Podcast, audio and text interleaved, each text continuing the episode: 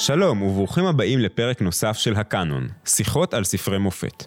אני מתנאל בראלי, עמית במכון ארגמן, והיום אנחנו הולכים להמשיך את השיחה שלנו על האתיקה של אריסטו, יחד עם דוקטור אליעזר מלכיאל, שמלמד פילוסופיה באוניברסיטת בן גוריון ובמכללת הרצוג, וכתב כמה ספרים, גם בפילוסופיה כללית, על נושאים של חירות ורצון, או על הפילוסופיה של ויטגנשטיין, וגם ספר על רבי נחמן מברסלב. בפרק הקודם הצגנו כמה מהתמות ומהמושגים המרכזיים של הספר, ואני רוצה להזכיר לכם שפתחנו את הפרק בתרגיל המחשבתי של מקנטייר, פילוסוף עכשווי, שהציע לנו לדמיין איך נראה העולם אחרי שקורה בו אסון למדעי הטבע, בעקבות לינץ' ציבורי כנגד מדענים, מעבד, מעבדות, ספרים ומכשירים מדעיים, ואז אנחנו צריכים להתחיל ולשחזר מהו המדע מתוך אותם רסיסים שנותרו לנו מהעולם שקדם לאותו לינץ'. ומה שמקנטייר מנסה לומר זה שהעולם של המוסר עבר איזשהו אסון דומה או מקביל שאנחנו בכלל לא מודעים לו.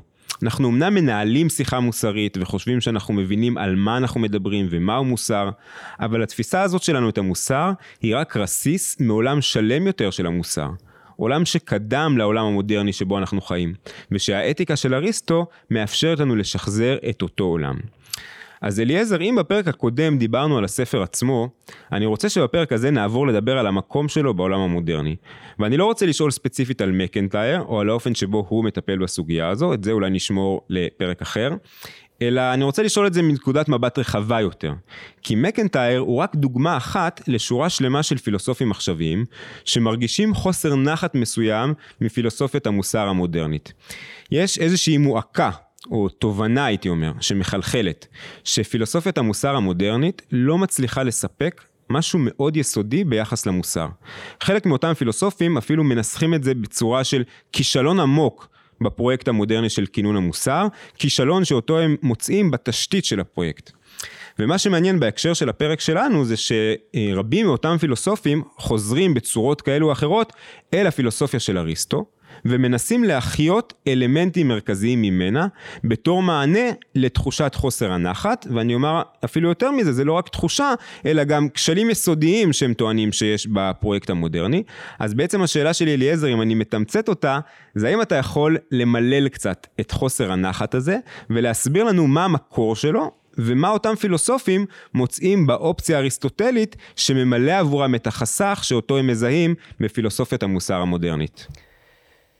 אריסטו בקטע מאוד חשוב בספר הראשון, פרק הראשון, מציע, כשאנחנו תוהים על השאלה מהי התכלית שלנו ומה העושר, הוא מציע לפנות לשאלה שהיא נראית לו קודמת והיא יכולה לתרום להבהרה, מהו טבע האדם? מהו הטבע של האדם? יש טבע לאדם. הפועל, המיוח, הפועל המיוחד לאדם. והפילוסופיה המודרנית עם המהפכה המדעית של המאה ה-17 ותפיסת הטבע החדשה של מדעי הטבע החדשים, אה, השמיטה את הבסיס הזה לדיון האתי. כי המושג טבע בתפיסה המודרנית, לפחות כפי, שמשתקף, כפי שהוא משתקף במדעי הטבע, מסלק מהטבע בכלל את כל הנורמטיביות, את כל התכליתיות, את כל הרציונל והפשר והטוב שמצאו בזה הקדמונים. כלומר, הופך את הטבע למשהו יותר מכניסטי. אה, כן, יבש. הטבע זה מדעי הטבע, אין לו מה להגיד לך איך לנהוג, הוא לא, הוא לא יכול להגיד לך על טוב ורע. דרך אגב, בזה אפילו קאנט מסכים, שאין לחפש בטבע את היסוד להכרה המוסרית. עכשיו, הדבר הזה, כמובן, יש לו, אה, נגיד ככה, בתפיסה של אריסטו, המושג טבע האדם, כמו שהוא מתאר אותו כאן, הוא חלק מתפיסה כללית של טבע, שהוא מביא אותה לביטוי גם באסטרונומיה שלו וגם בתיאור התהליכים שעוברים על המים, האש, האפר והאוויר, שזה חלקים של המטאפיזיקה האריסטוטלית והיוונית, שהם אה, עבדו לתום הנשייה, יש להם מקום במוזיאון, לא באמת. כן, לגמרי זה נמצא מבחינתו על אותו רצף, כן? כשהוא שואל כן, על התכלית של האדם, אז הוא אומר... מבחינתו זה נמצא אותו רצף. הוא אומר, אני לא יכול לומר שזה התכלית של החיים עצמם, של לחיות, של לשרוד, כי זה כבר... אה, משותף לו עם הצמחים, ואולי נכון, אפילו עם החיות, ואנחנו אדם, מחפשים משהו ייחודי, אבל זה נמצא על אותו נכון, רצף בעצם. כן, נכון. הפילוסופיה המודרנית, בגלל הדבר הזה, יש בה כל מיני כיוונים שכולם כרוכים בהצהרה של המבט. בהצהרה. הצהרה, צרות מבט. כאן, בגלל הדברים האלה, ובעוד שיקולים שקשורים למהפכה המדעית והנאורות, אה, מחליט להסתייג מכל הסיפורים של ההצלחה, חיים טובים, חיים מאושרים, ולהתמקד במה שהוא קורא שלמות מוסרית, שאותה הוא חושב לגזור מאיזושהי תבונה טהורה, שהיא מיוחדת לגמרי מכל שאר התבונות, היא גם כרוכה מבחינה פסיכולוגית בחלק אחר לגמרי בנפש, במוטיבציות מסוג אחר לגמרי. אז יש לנו כאן איזו תפיסה מאוד מאוד מרכזית במוסריות המודרנית, בפילוסופיה של המוסריות המודרנית, שבפירוש מצמצמת את מבטה לשלמות המוסרית. Mm-hmm. ובעיני הרבה פילוסופים, ואולי לא רק פילוסופים, אולי זה גם משתקף מהדברים שאני אומר, יש בזה משהו מגמד, מרושש. ומקנטייר בהערותיו, או בפסקה הציורית הזאת, הוא רומז גם לכישלונו של הפרויקט הקנטיאני, כי זה לא יכול לעבוד. מהבחינה הזאת, אולי אני אגמור, אני אביא עוד, עוד נקודה. אה, אז אני אומר, השמטת הבסיס הטבעי למוסר, כלומר. ההבחנה המובהקת בין טבע לבין מוסר. כן. אבל פה אני, אני משלים את ה... את ה בשביל להכין את הקרקע, להחזיר את אריסטו לתמונה, אני רוצה להגיד שלא חייבים, לא הכרחי וגם לא מתבקש להעמיד את האתיקה של אריסטו עם מושג טבע אדם שבתוך האתיקה שלו, על כל המטאפיזיקה שלו לגבי האסטרונומיה והגלגלים והאש והאוויר. כלומר, אפשר לנתק. אפשר לנתק. ואפשר לקבל את המושג טבע האדם בצורה אריסטוטלית בלי לחזור למטאפיזיקה הימי ביניימית והעתיקה. כלומר, התפיסה בדבר טבע האדם לא מחייבת את ההנחות של התפיסה המטאפיזית והביולוגית של נכון, הריסטו. הסוגיה הזאת היא תיבת פנדורה, כי יש שאלה עצומה מה היחס בין מדעי הטבע למדעי הרוח, בין, מדע, בין הפיזיקה לבין הפסיכולוגיה, בין הפיזיקה לבין האנתרופולוגיה, בין הפיזיקה לבין האתיקה, יש כאן בכל מקרה המון שאלות פתוחות, והשכנוע שלי ושל הרבה פילוסופים עכשוויים זה שהתפיסה שחושבת שהמדע, מדעי הטבע זה הפריזמה האולטימטיבית לראיית המציאות, היא מאוד בעייתית מכל מיני בחינות אחרות. בחזרה לענייננו, אין שום מניעה ואפילו מתבקש, כשאנחנו מדברים על אדם ומדברים על אדם בהקשר האתי, ניקח בחשבון את ההבנה שלנו מה זה נקרא אנוש, מה זה בן אנוש, מה זה אנושיות. ואריסטו עושה את זה. אז אני אומר, הוא עושה את זה בדרכו, ואפשר תמיד לשכלל, אבל זה אחד, ה, אחד הפריזמות שאתה מקבל על אי הנחת מהפילוסופיה המודרנית, שצמצמה את המבט שלה על המוסרי, אה, התייאשה מטבע האדם, ויש בה גם לא מעט זרמים, שמתוך אותם לחצים מגיעים לסוגים מסוימים, סוגים שונים של רלטיביזם. אין, אני עכשיו מצטט כאילו מדברר אותם, אין תשובה אמיתית, אובייקטיבית, ריאלית, לשאלה מה טוב. איש הישר בעיניו יעשה ויאמין. יכול להיות שאנחנו צריכים לכפות בשביל להתנהל בחברה... הסדרים מסוימים. הסדרים, אבל התפיסה התיאורטית היא שזה לא עניין לדיון רציונלי. תפיסה שמאוד אה, רווחת גם, ב, לא רק אצל פילוסופים. לא- תרבותית יש לה יש, נוכחות. יש לה, נוכחות. יש לה נוכחות תרבותית, ויש לנו נוכחות גם מקצועית בפילוסופיה, במיוחד של המאה ה-20, האנליטית. כי הפילוסופים של המאה ה-20, הרבה מהם, אני חושב שמקנטייר היה היה מאוד משפיע עם אחרים, בתיקון המגמה הזאת, אבל הרבה מהם בשנות החמישים והשישים והשבעים, הוא כתב את הספר בשמונים ואחד אני חושב, הרבה מהם אה, מושכים את ידיהם מדיון אתי, סובסטנטיבי, מה נכון, מה לא נכון, מה טוב ומה רע, והם מתיימרים לדבר באיזה אופן ניטרלי על מה זה משפט אתי, מה זה שיפוט אתי, ויש פה כל מיני תיאוריות שמראש יש בתיאוריות האלה יומרה לניטרליות, ויש בה גם סוג של מקצוענות כזאת מאוד אה, אנליטית עם כל מיני הבחנות לוגיות אבל זה מאוד לא מעורר השראה ובסופו של דבר זה גם לא באמת ניטרלי יש מאחורי זה מה שאני רמזתי עמדות יחס רלטיביסטיות ב, ב, ב, בנסיגה הזאת מהדיון האתי. מהבחינה הזאת אריסטו הוא מוקד השראה להרבה פילוסופים היום שהרגישו שזה לא, לא, לא עשיר, לא אנושי והמושג של אנושי הוא מושג טעון. אנושיות זה מושג טעון מבחינה אתית. ורק אני אחדד, ושהמושג הזה הוא חיוני להעמדה של מה זה אומר מוסר. הוא חיוני, אבל לא במובן היסודני, אני שוב נזכר, יש כאן, יש כאן, יש כאן מעגליות, אבל לא כל מעגליות היא מעגליות אה, שוטה, כן? יש מעגליות שהיא סוג של הצטללות של איזה מרחב, אתה רואה את הקשר בין האידיאלים של ערכי הסגולה הטובה, לבין המושג אנושיות, ואתה רואה איך, איך הערכים של ערכי הסגולה הטובה מתאימים לצורת החיים האנושית, החברתית, הקהילתית, הבין אישית, יש פילוסופים שהולכים בכיוון הזה, מגדירים את עצמם כנאו-אריסטוטלים, עם כל מיני הבחנות, יש פה הרבה גיוון, אבל אתה רואה מה המשיכה של הקוליות הזאת, של אריסטו, שמדבר על החיים האנושיים, הצלחתם וטובם ושגשוגם, עושרם, ובמרכז הבשורה שלו זה העניין האתי, זה דבר מושך. כן, אז אני, אני רוצה להוסיף פה עוד איזושהי נקודה של נושא שלא נגענו בו עד עכשיו, אבל הוא כן, הוא כן, אה, הוא כן עולה פה קצת.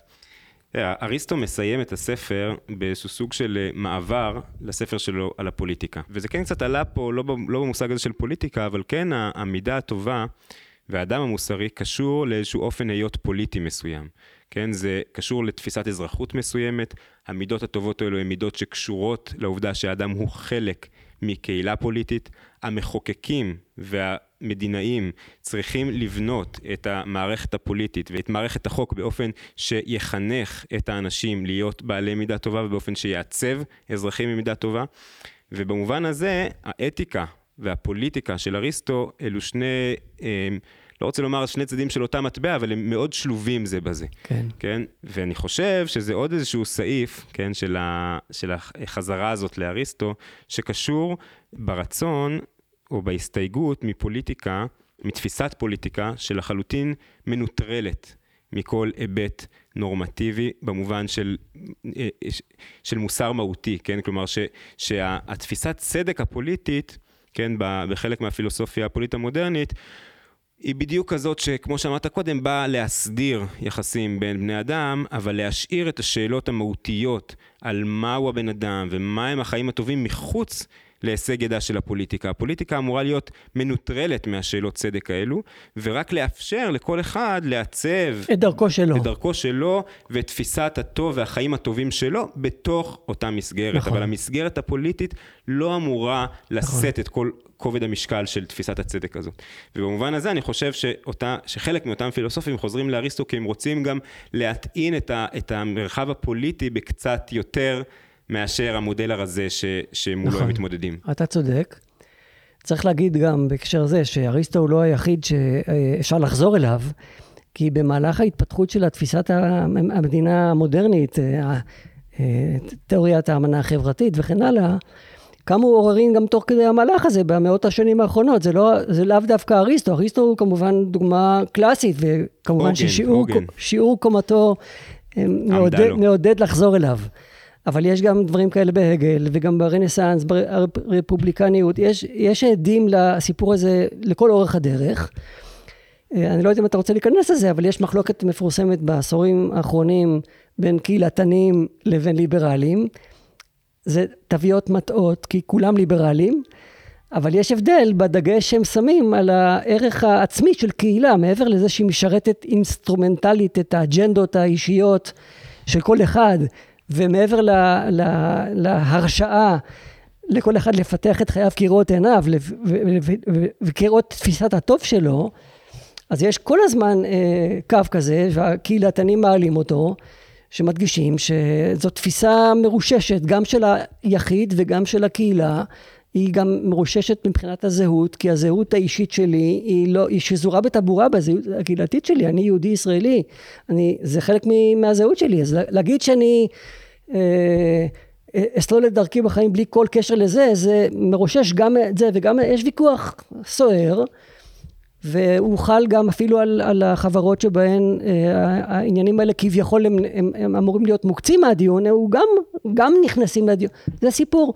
במובן הזה אתה צודק שאריסטו בתפיסתו הראשונית הזאת הוא אבן פינה. יחד עם זה אני חוזר על מה שאמרתי גם במהלך הדברים, שלא כל דבר שאריסטו אומר יכול להיות רלוונטי לגבינו, וחלו חידושים לא רק מכל מיני בחינות, כולל הבחינות מה זה נקרא פוליס ומדינה, אלא גם ברגישויות המוסריות, המוסריות שלנו. אז אולי תיתן לנו דוגמה למשהו שאפשר אולי לומר שחסר אצל אריסטו, או שפילוסופיית מוסר מודרנית לא יכולה לקבל או להסתפק בעמדה שלו, ואנחנו עושים את זה טוב יותר. אני אתן דוגמה בוטה ופשטנית, אבל נכונה, כן? אריסטו מדבר על עבדים. כאילו שיש להם טבע של עבדים, הוא לא מכליל אותם בקרב בני השיח שלו. אריסטו מדבר על נשים בצורה שאי אפשר לקבל אותה היום. בסדר, אני, אני לא, לא על זה גאוותו. כן, אבל זה יותר בפרטים. ולא, ולא מזה אני אחפש השראה באריסטו. נכון, אבל גם אצלו זה, לא, זה לא חלק זה מהותי. זה לא פרטים, אבל אפשר לקחת את המסגרת וללכת איתה תוך כדי השינוי. נגיד ככה, הגישה שלו מסוגלת עקרונית להכיל את השינויים האלה, במיוחד כשאתה רואה שהוא מדגיש כל כך את הנסיבות המשתנות, אז הוא לא חשב על זה. אבל זה חלק מה, מהזרעים שהוא כן. שם. מעניין, כי אני חשבתי יותר שתדבר נניח על מושג של, אה, כן, של אינדיבידואל, של גם, אה, גם זה. אותנטיות, כלומר, שוב, זה מושגים שאריסטו עומד במתח אל מולם, אבל אני חושב שהיום לא היינו מסתפקים בעמדה מוסרית כמו של אריסטו, כי אנחנו כן מחפשים את הדגש על הייחודיות שלי. שוב, בזיקה אל מסגרות רחבות יותר, כן? אני אומר, אנחנו כל הזמן צריכים להתמקם באיזשהו מקום מאוזן, אבל אצל אריסטו זה נראה על פניו שהאדם היחיד הוא לא עומד כיחידה ש... טוב, אולי אני אומר את זה קצת, קצת פשטני מדי, אבל זה בטח לא, לא דגש מרכזי אצלו להגן על היכולת של האדם לבנות את חייו ולחיות את חייו בצורה מקורית, בצורה יצירתית. אה, תקן אותי. לא, יש, יש גרעין של אמת בדבריך והוא יתר על הקליפות בדבריך. למרות שכמו שאתה אמרת בסוף, אפשר לדקדק גם באריסטו, כי אה, נגיד לתפוס את אריסטו כמין סוג של אה, תפיסה קהילתנית שלא שמה לב ליחיד, זה גם כן עיוות. הוא כן שם לב לאינדיבידואל, אבל יש לו בכל זאת את התפיסות אה, הפוליטיות שלו ואת ההבנה שלו של מה זה, האינדיבידואל באיזשהו מקום הוא ממוקם עם הזהות שלו בתוך המבנה הקהילתי ובתוך התפקיד. וזה דברים שהמודרניות אה, הפכה על פיהם ושחררה וגם חידדה את המשימה והאתגר והחשיבות העצומה של ייחודיות ו, ו, ובחירה אישית. את כל זה צריך אבל להכיל במסגרת של האתיקה. וזה אני אומר מול נטיות שקיימות, שעל על, על הגב של האינדיבידואליות וה, והייחודיות שלה, הן פורמות את המסגרת של, של, של הקהילה והידידות וכן הלאה, וזה זה סכנה, זה סכנה עיונית ולא רק עיונית. במובן הזה, אריסטו יכול להכיל את החידושים שאנחנו צריכים להכיל בחידוד החשיבות העצומה של אינדיבידואליות, יחד עם זה שהאינדיבידואלית הזאת היא בכל זאת נעשית באיזה הקשר של ערכים שהם אנושיים. ואחד הפילוסופים שכתבו על זה, טיילור, שהספר שלו מועקות המודרניות מוקדש כולו לסכנה שבהטענת האינדיבידואל, אם אתה לוקח את, האינדיבידואל, את האינדיבידואליות כערך עצמי עליון על כל השאר, אתה, אתה מגיע למשהו לא קוהרנטי. כן. אז אולי, אולי אליעזר, אני רוצה קצת כן. להתקיל אותך, אה, ונעשה את זה באמצעות הדוגמה שאמרת. הזכרת עכשיו את צ'ארלס טיילור והספר שלו, מועקת המודרניות, שיצא בעברית בהוצאת שלם, שאתה היית העורך המדעי של ההוצאה העברית שלו. וזה מוביל אותי לשאלה הבאה. כן, דיברנו בהתחלה על אריסטו, מי היה אריסטו, מה הוא חשב, דיברנו על אריסטו בעת המודרנית, למה אריסטו היום, ואולי השאלה האחרונה שאיתה אני רוצה אה, לסגור את השיחה שלנו, זה למה אריסטו כאן, בישראל. כלומר, למה אריסטו? למה אריסטו כאן? כלומר, לא רק למה אריסטו היום, אלא למה אריסטו כאן בישראל, ואני אסביר למה אני מתכוון. הזכרת קודם, אני יהודי, ישראלי וכולי, הזכרנו תפיסות שונות של פוליטיקה, והשאלה וה, שאני רוצה להציב בסוף זה, האם אתה חושב, אני מניח שהתשובה היא כן, אבל האם אתה חושב שלאופן שבו אריסטו חשב על מוסר, כמו שדיברנו לאורך כל השיחה הזאת, ועל פוליטיקה, יש איזושהי חיוניות מיוחדת, או נאמר את זה אחרת, האם היום במדינת ישראל, בתוך חברה עם הרבה אתגרים וכולי, אנחנו זקוקים במיוחד לזווית של אריסטו. תראה, הייתי בתור אחד שמעריץ את אריסטו והולך בדרכו ורוצה לי, אה, להסתופף בצילם של הנאו-אריסטוטלים העכשוויים, הייתי רוצה להשיב לך בתשובה חיובית, אבל זה קשה. גם אמרתי שחלק מה, מהמתרים שראוי להדהד בשם אריסטו, יש להם עוד נציגים בהמשך הדרך, שמטבעם של דברים הם הרבה יותר מתוחכמים ומשוכללים מאריסטו, בגלל המרחק העצום והמיקום שלהם, נגיד הגל, פילוסוף חשוב, הוא מודרני לגמרי, נאורותי מודרני, והוא מאוד מאוד מדגיש את ההיבטים האלה ש, הזיקה. של הזיקה ושל הזהות הקולקטיבית, ונגד תפיסות של האמנה חברתית עם איזו תפיסה כלכלית כזאת של האינדיבידואל זה נמצא אצלו הרבה יותר משוכלל והרבה יותר רגיש לניואנסים מאשר אצל אריסטו. לכן אני אומר, באופן כללי זה יכול להיכנס תחת כנף של אריסטו, אבל באופן יותר ספציפי, יש הרבה דמויות ו- ו- ודוברים וממללים יותר רלוונטיים. ואם נקרא לכל המסורת הזאת כאריסטוטלית?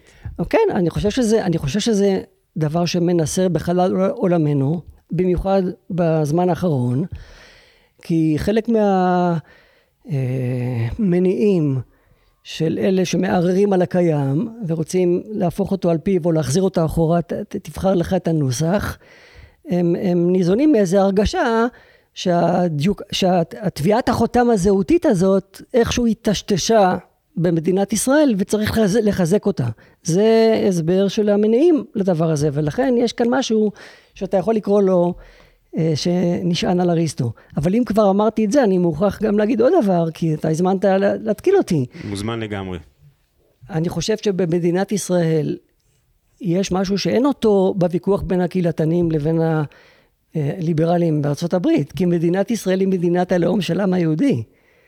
מראש ועל אה, על אה, הצהרת העצמאות שלה זה חקוק, הזהות האתנית, הלאומית היהודית חקוק בתשתית של הציונות ושל המדינה.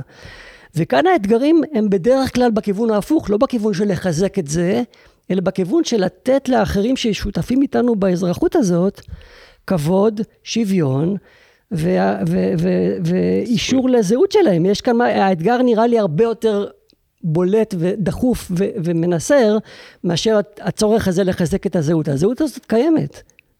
כן, אז אני רק, רק אולי אחדד גם באמת שכשאריסטו מדבר על זהות, הוא מדבר על זהות פוליטית, זהות אזרחית. כלומר, מה שהופך את האזרחים לשייכים אחד כן. לשני, זה לא, שהם, לא בהכרח שהם מגיעים מלאום משותף, מתרבות משותפת, ממוצא אתני משותף, אלא עצם העובדה שהם שייכים לפרויקט אזרחי, לפרויקט פוליטי משותף. ובמובן הזה, דווקא אם אני ככה מנסה לרדת לדקויות, אז בהקשר, בהקשר הישראלי, כן, זה בדיוק שתי תפיס, שתי ה, שני הצירים של המתח, כן, בין תפיסה אה, שמצד אחד מח... מנסה לחזק את הקולקטיביות, אבל על בסיס אזרחי, שכולנו שותפים כן. במדינה, כולנו אזרחים שווי זכויות, לכולנו יש זכות הצבעה שווה בבחירות, כולנו זכאים לקבל, החוק חל בשווה על כולנו וכולי וכולי, לבין ה... ה... הרכיב שמעמיד את הזהות הקולקטיבית על היסטוריה משותפת, על תרבות, על שפה. על רכיבים דתיים מסוימים, כלומר זה בדיוק נכון. שתי צורות המתח, ולא בהכרח המתח מול האינדיבידואליזם המוקצן, אלא מול שתי תפיסות של אה, אה, קולקטיביות, נקרא לזה ככה. מה שאתה אומר, לגופו של עניין הוא נכון, אבל לגבי אריסטו הוא בעייתי. כי אריסטו, אה, אני לא חושב שאפשר לצרף אותו לשיחה העכשווית בלי שום הסתייגות. הוא מבחין בין יוונים לבין ברברים, אז למרות שהאזרחים הם אזרחים מתוקף היותם אזרחים, ולא לא מתוקף היותם דוברי יוונית, אבל בכל זאת הוא לא, אין לו אה, חזון אוניברסלי ואין לו גם את המושג של השוויון שכרוך באזרחות. המדינה האזרחית שלו, אתונה, יכולה להכיל לו חוסר שוויון, לא לדבר על כך שהיא מדירה ממנה את העבדים ואת הברברים, ולאנשים בוודאי אין זכות הצבעה. אנשים חסרי נכסים. כן, יש שם אי שוויון, חנה ארנד כתבה על זה לא מעט, והדגישה את ההבדל הגדול בין הפוליסה היוונית לבין המדינה המודרנית, בנקודות האלה. אז אתה צודק שיש כאן משהו, אה, אפשר, אפשר להשתמש בניסוחים האלה בשביל להציב איזה מין אה, יריבות או הבדל בין מדינה שהיא של כל אזרחיה והיא שוקדת לטפח את האחווה האזרחית, לבין מדינה שהיא מוגדרת על פי המוצא וההיסטוריה והתרבות והלשון, כמו מדינת ישראל, ששם יש מראש איזה אה, מתח עם כל אזרחיה. כן. כן. אריסטו, אני לא חושב שהוא קולר מתאים פה. בסדר. אליעזר, יש משהו נוסף שאתה רוצה לומר לנו לפני סיום? אה, תקראו את הספר. ספר אריסטו או הספר שלך? של אריסטו. לא דיברנו בכלל... אני אומר, תקראו גם את הספר של אליעזר. אוקיי, לא דיברנו בכלל על נקודה שהיא חשובה, אבל לא נדבר עליה, כי זה לא, כי זה לא רלוונטי, אבל בכל זאת אריסטו יש לו בפרק העשירי של הספר, בספר העשירי של האתיקה, הוא מעלה על נס מעל כל דבר אחר את העיסוק הפילוסופי ואת ההגות. חיי העיון. חיי העיון. ויש מתח גדול בין כל המהלך של הספר, כל תנופת הספר, לבין הפרק הזה, ויש הרבה, ויכוחים והרבה התמודדויות בין המפרשים, איך לקרוא את זה. אז אולי כן תאמר על זה משהו, כלומר, אני מסכים איתך לגמרי שזה מתח מאוד מרכזי בספר, שעולה בין uh, מה המקום של כל המידות הטובות שהוא מדבר עליהן, ויש מקומות באופן מובהק, שזה נראה מאריסטו, שכל המידות הטובות, לא יודע אם לומר שוות, אבל הם, אתה זקוק לכולם בשביל להיות אדם כן, שלם. נכון. לבין, uh, כמו שאמרת, פרקי, פרק הסיום של הספר, שבו זה נראה שכולם הם איזושהי הכנה. ליכולת של האדם לחיות חיי עיון, אבל בעצם, בעצם זה התכלית. כן. ו- ואני אני, אני אפילו אחדד את המתח, כן? כי בחיי עיון יש משהו שהוא לא רוצה לומר אנטי-חברתי, אבל הוא א-חברתי. כלומר, חיי כן. זה פעילות שאדם עושה עם עצמו. זה לגמרי, כן. אריסטו אומר את זה במפורש, זה אדם יושב ומעיין, מתבונן כן. בשכלו, פעילות אוטרקית. והרבה מהמידות הטובות קשורות ליחסים, ליחסים אנושיים, יחסים בין אנשים, נדיבות כלפי אנשים נכון, אחרים. נכון. ובמובן הזה, זה לא רק שאלת האם צריך את כולם או שיש מידה אחת עליונה, אלא שיש משהו גם שהמידות האלו מעמידות איזשהו וקטור, אה, וקטור אחר, שולחות את האדם לכיוון אחר ב, ביחס שלו לאנשים אחרים. כן. הערה אחת לפני שאני אה, אענה לשאלה שלך, האם, האם אדם יכול להיות מושלם בחיי העיון בלי מידות טובות בכלל? התשובה היא שלילית. נכון שהמידות הטובות קשורות לה, הרבה ליחסים הבין אישיים והחברתיים, אבל אה, האתיקה, החותם האתי, אה, הוא לא ניכר דווקא ורק, אך ורק ביחסים, הוא גם, הוא גם נדבך בתבונה בכלל.